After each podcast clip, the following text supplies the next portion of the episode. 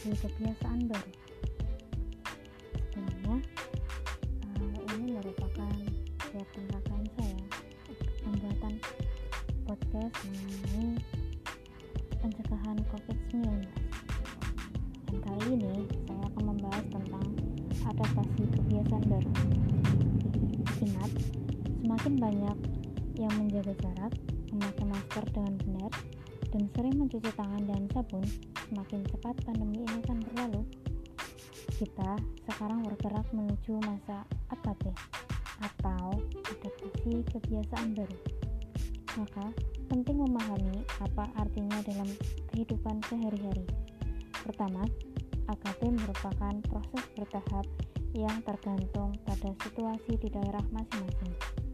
Menurut para ahli, situasi dapat berubah dengan cepat bila lebih banyak orang terkena COVID-19. Yang perlu kita pahami adalah AKP bukan berarti kembali ke, ke kehidupan normal ya, dan melakukan segala aktivitas sama seperti sebelum pandemi. Apa yang bisa kita lakukan? Utamanya tetap di rumah dan hanya keluar bila memang benar benar-benar perlu. Ini penting, terutama bagi orang yang berisiko tinggi, termasuk orang lanjut usia dan yang memiliki riwayat penyakit jantung, tekanan darah tinggi, diabetes, dan paru. Siapa pun yang merasa sakit harus tetap di rumah dan mencari pengobatan bila gejala memburuk. Kedua, mungkin kita merasa aman dan ingin kembali ke kebiasaan lama saat melihat banyak orang di pusat perbelanjaan atau restoran. Tapi itu hanya aman palsu.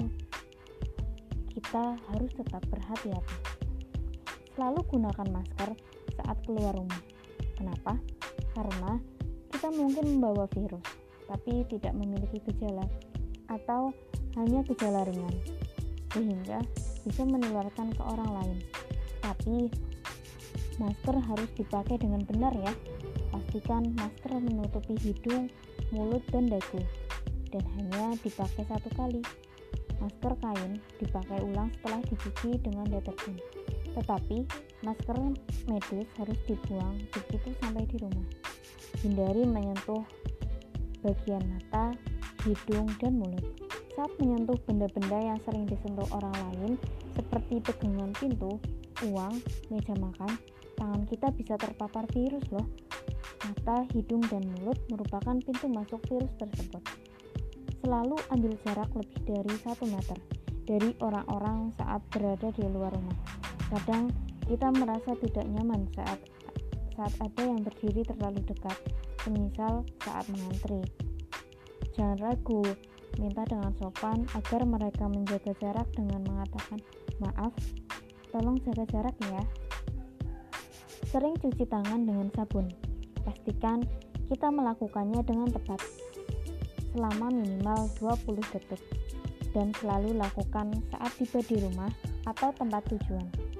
Saat di luar rumah, cairan pencuci tangan yang mengandung alkohol merupakan pilihan bila sabun dan air mengalir tidak tersedia. Yang terakhir, selalu ikuti perkembangan informasi dan hanya ikuti sumber terpercaya seperti situs covid19.co.id.